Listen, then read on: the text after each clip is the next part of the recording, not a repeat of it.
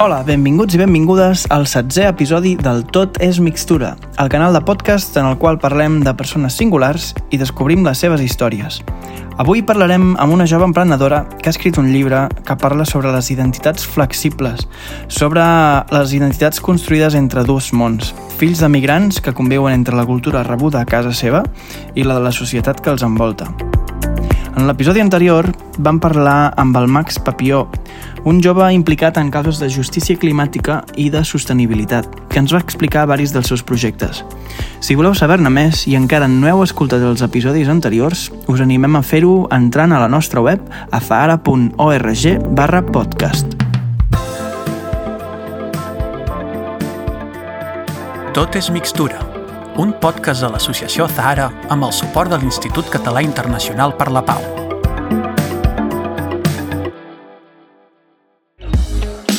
Com cada setmana, obrim els micròfons del Tot és Mixtura perquè ens feu arribar les vostres reflexions sobre els diferents temes que tractem als episodis. Podeu enviar-nos un WhatsApp al 657 222 196 amb la vostra nota de veu. Recordeu que ha de ser breu, d'un minut aproximadament, i totes aquelles notes les recollim i les anirem emetent en el podcast. I així ho ha fet, en aquest cas, la Fàtima Ajanif.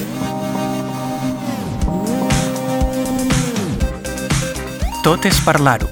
Notes de veu curtes per a llargues reflexions al Tot és mixtura.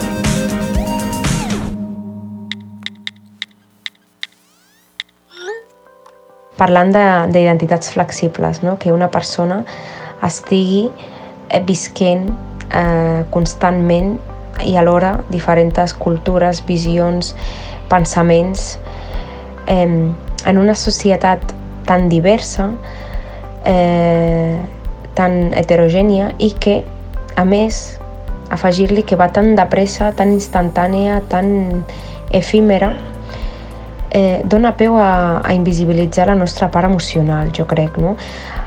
Eh, ens fa por preguntar-nos qui som.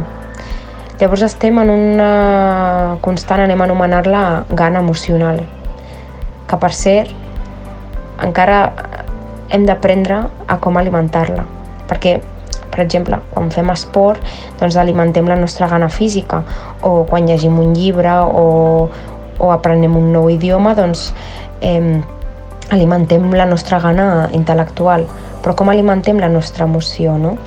Que al mateix temps eh, evitem preguntar-nos perquè com que encara no la sabem acabar, no la sabem gestionar del tot bé, eh, fer-nos aquesta pregunta potser ens fa sentir insegurs, potser ens fa mm, ens sentim perduts, però és vital saber qui som per saber on volem anar i arribar eh, penso que ens hem anat excusant amb que no tenim temps, però al final és bàsic saber eh, saber què ens agrada, què ens fa feliços i compartir-ho i comunicar-ho amb la resta, acceptant les nostres diferències eh, com a riqueses.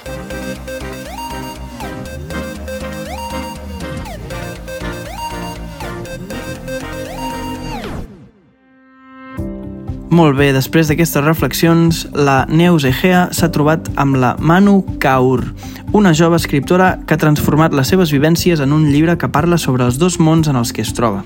Engeguem l'entrevista d'aquest episodi del Tot és mixtura. L'hora del te. Converses inspiradores per canviar el món. Com us dèiem, avui parlem amb la Manu Kaur, una jove de Badalona, filla de pares procedents de la Índia. La identitat de la Manu ha passat per la convivència entre la cultura rebuda dels seus pares i la seva família i la que ha rebut del seu entorn fora de casa, a l'escola, la feina, al carrer. De tot això, n'ha escrit un llibre d'allò més interessant titulat Los mundos de Kaur. Al Tot és mixtura compartim la nostra setzena hora del te amb la Manu Kaur. Vale, doncs, bona tarda, Manu. Uh, doncs encantada, el meu nom és Neus. I, bueno, primer de tot felicitar-te per, per el llibre Los mundos de Kaur, vale, per la rebuda que està tenint. I res, primerament eh, m'agradaria que, bueno, en el, en, en, la, en l'article que va sortir al Tot Badalona, parlaves de que el llibre anava de, de, de dos noies, bueno, de dos dones de, que venien de mons completament diferents m'imagino que t'identifiques no, amb, amb el món de, de, de la teva mare i en el teu, no? de la situació que estàs vivint ara mateix. Eh, llavors la pregunta és, um, no sé si sou més a casa, la situació que tu tens, que, que tu pateixes, no? de, de, de notar la interculturalitat i de, de tot això que, que estàs veient i que expliques al llibre, creus que també hi ha algú de la família que ho pateixi o, o només et sents identificada tu? Doncs, per cert, gràcies per les felicitacions. I el tema, a la pregunta aquesta, la veritat que és en general, perquè el llibre no ha sigut només perquè jo ho he viscut o algun semblant a mi o del meu origen ha viscut, sinó és un, podríem dir que és un gran percentatge que totes les dones eh, viuen aquesta situació, siguin que hagin immigrat o que hagin nascut aquí, hagin tingut aquests xocs culturals per això mateix vaig decidir doncs, un dels punts forts per poder escriure aquest llibre. Clar, o sigui, parles de les dones, o sigui, en el cas de no sé si tens cap germà, eh, respecte als nois, no, no, no has notat que hi hagi aquest xoc cultural?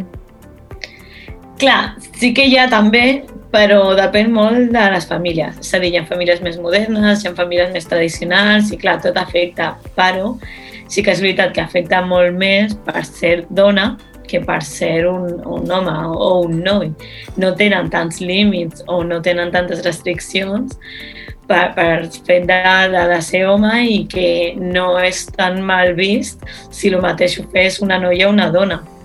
Quines dificultats t'enfrentes tu en el dia a dia que, que per exemple, doncs, et puguis sentir jutjada o que està més mal vist que no, per exemple, doncs, el teu germà que ho pugui fer? Quins reptes veus en el dia a dia?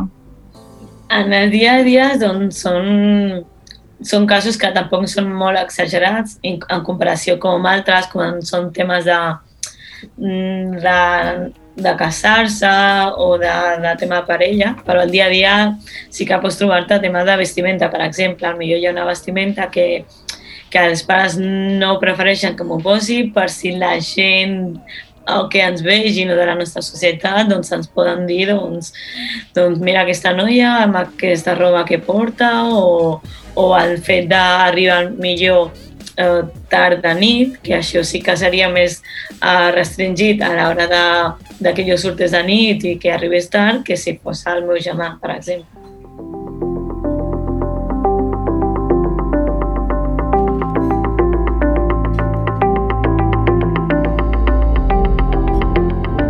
Tinc amigues que gran part són d'aquí. Doncs en aquest cas sí que he vist la diferència doncs, el que és la relació entre pares i fills en comparació amb els meus.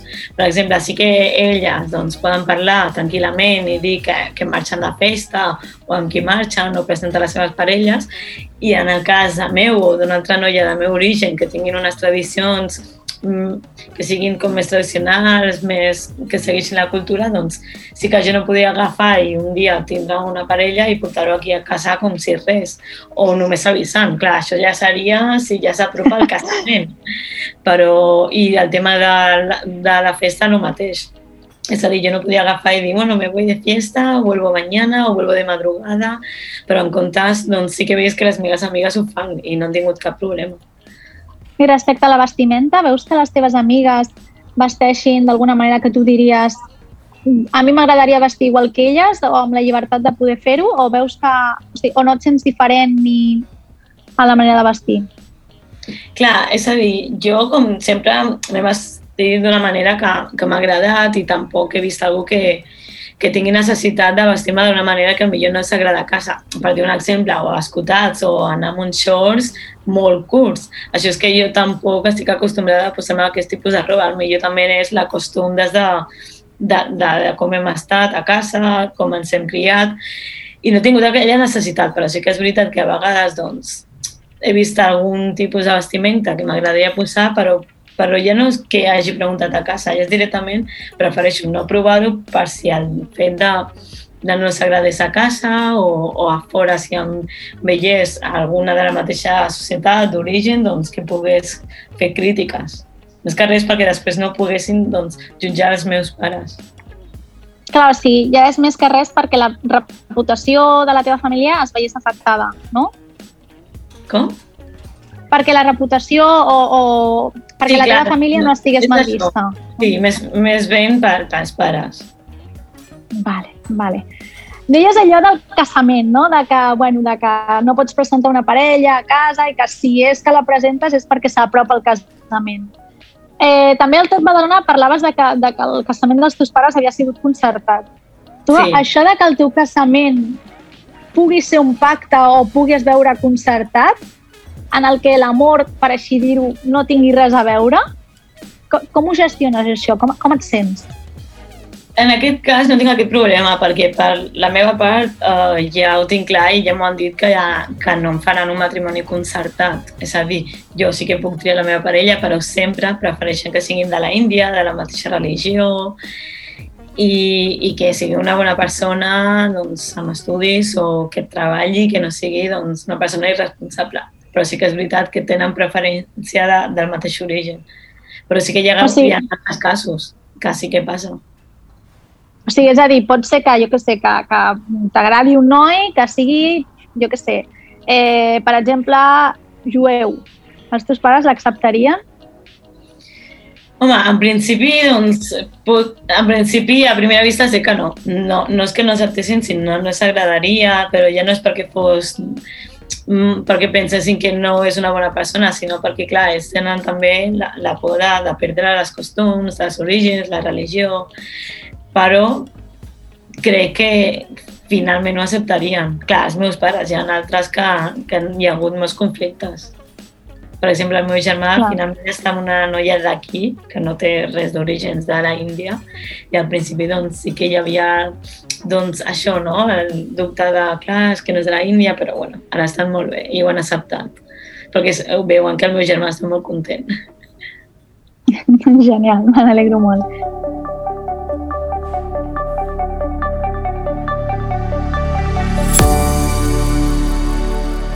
Parlant ara del racisme, o sigui, tu com a persona que, que vius aquí a Espanya, concretament a Catalunya, has sentit mai algun tipus d'acte racista cap a tu? Ja sigui doncs, per la manera de vestir, no sé, perquè no sé si porteu la vestimenta típica en el dia a dia o només a celebracions, però ja només pel fet de ser índia, bueno, de, de pertànyer a, a lo que és la religió i tal. Clar, jo ara mateix sí, et dic, a mi personalment no em recordo així que m'hagi passat un acte racista. Sí que he escoltat, he vist, però així a mi mm, directament que sigui de racisme, doncs no. Sí que és veritat, millor hi ha coment comentaris a segons quina persona de, del tema de color, et diuen com negre, però no seria... Clar, pot ser ofensiu, depèn com t'ho diguin, i Com clar, a mi amb les meves amigues doncs, sí que em diuen ai, la morena, la negra, però en plan carinyo, però si t'ho han dit de la manera que sigui ofensiu, doncs sí. Però així no em recordo ara exactament. Però altres persones sí que he vist. I ho he escoltat. I entre, I les redes. I entre les mateixes persones de la, de la mateixa religió, que, que també el tot hi parlaves del tema de la casta, creus que hi ha com un conflicte o racisme per, per això, de, de no pertànyer a la mateixa casta? Sí que hi ha, encara.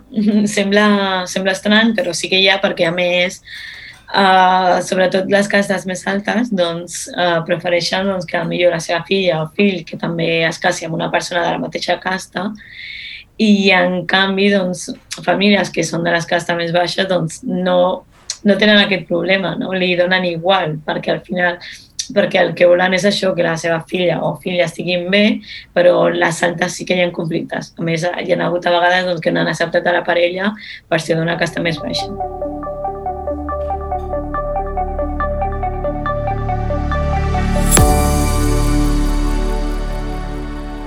I ara, doncs, com a dona que ha tret un llibre i com a dona emprenedor, emprenedora, eh, què és el que t'ha fet tirar cap endavant de treure un llibre?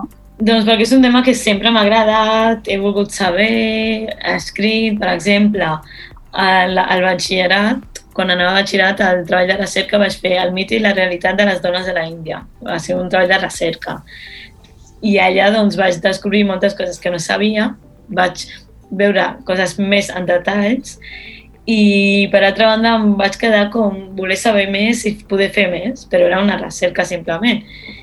I vaig, en aquell cop ja em vaig decidir, no? De, algun dia faré un llibre explicant doncs, anècdotes o històries o realitats i jo tenia, però és això, no tenia temps, estudiant, treballant i durant la pandèmia doncs un dia se'm va il·luminar i vaig dir ara és el moment. Si ara no estic treballant, estem a casa, no podem fer res, dic, si no ho faig ara no ho faré mai.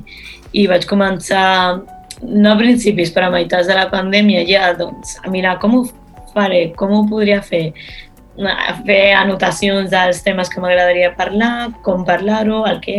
Bueno, no sé si sabeu exactament el títol perquè ho vaig posar, Los mundos de Kaur, Los mundos, perquè vaig pensar que hi havia com molts mons, no?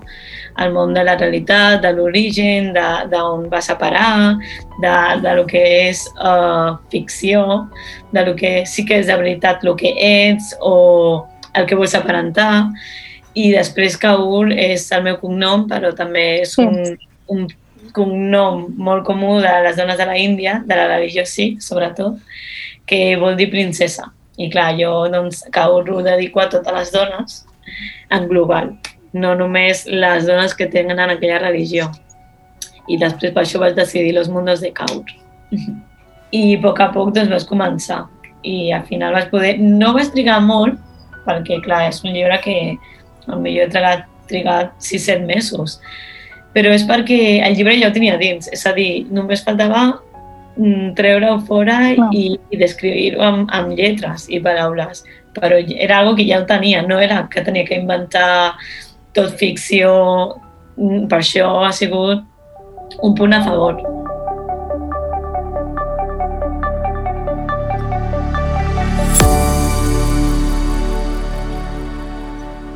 I el tema de publicar-ho ha sigut difícil, ha sigut fàcil?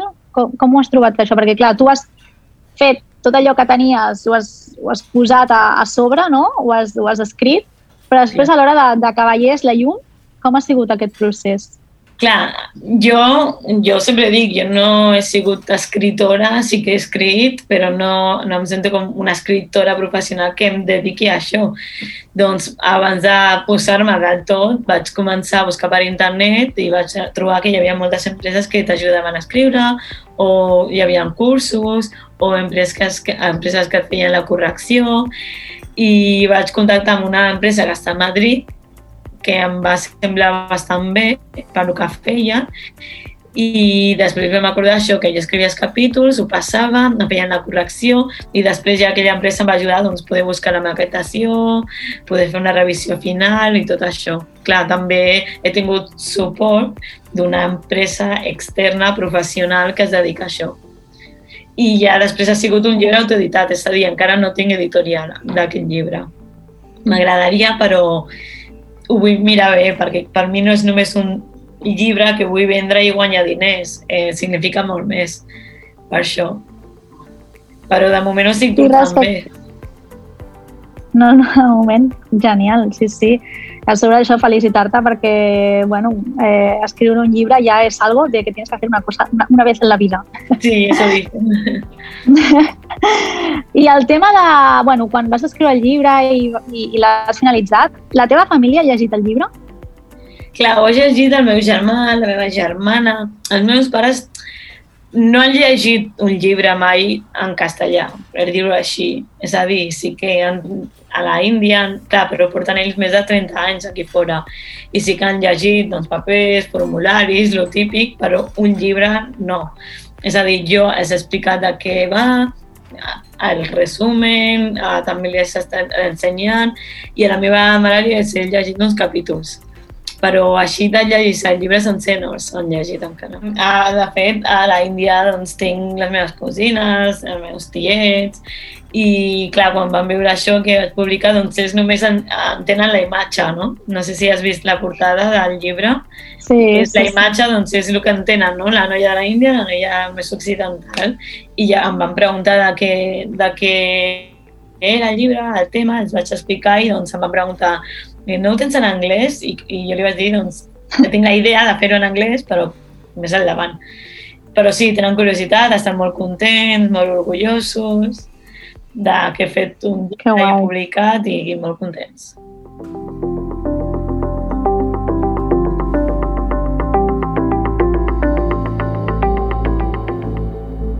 I res, per últim, Manu, eh, dir-te, també eh, al tot deies que, que potser aquesta mentalitat no, de, de, de lo que és de la gent d'abans o d'ara mateix, no?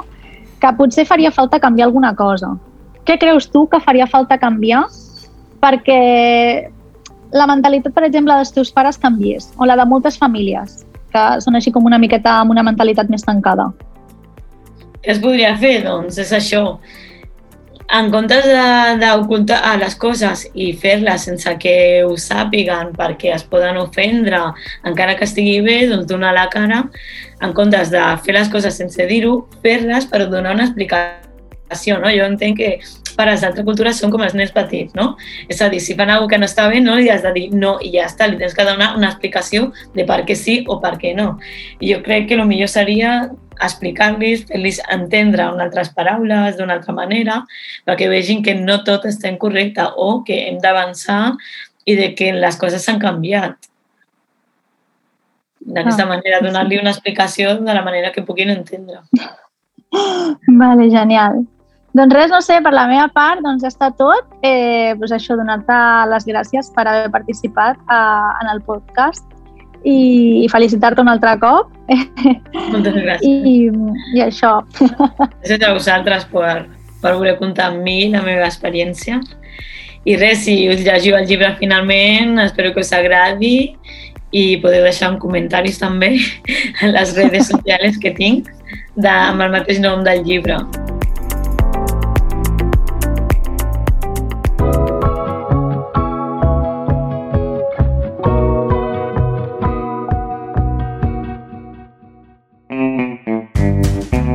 I com cada setmana acabarem l'episodi amb una mica de música i en aquest cas ho farem amb una cançó de Maren, titulada El dia que bajé las escaleras.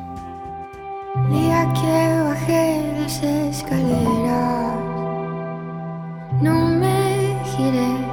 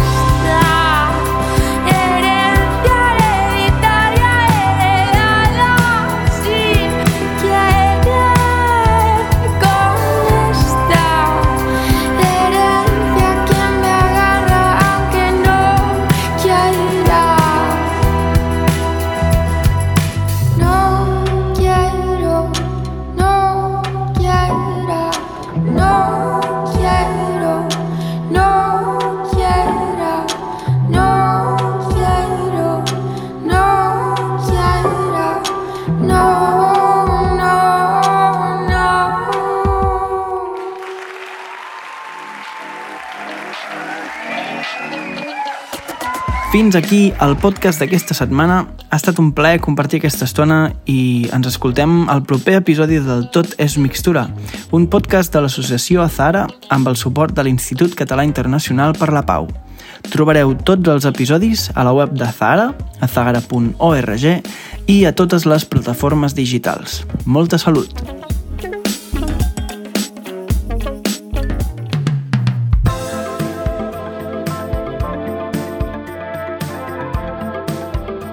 Tot és mixtura.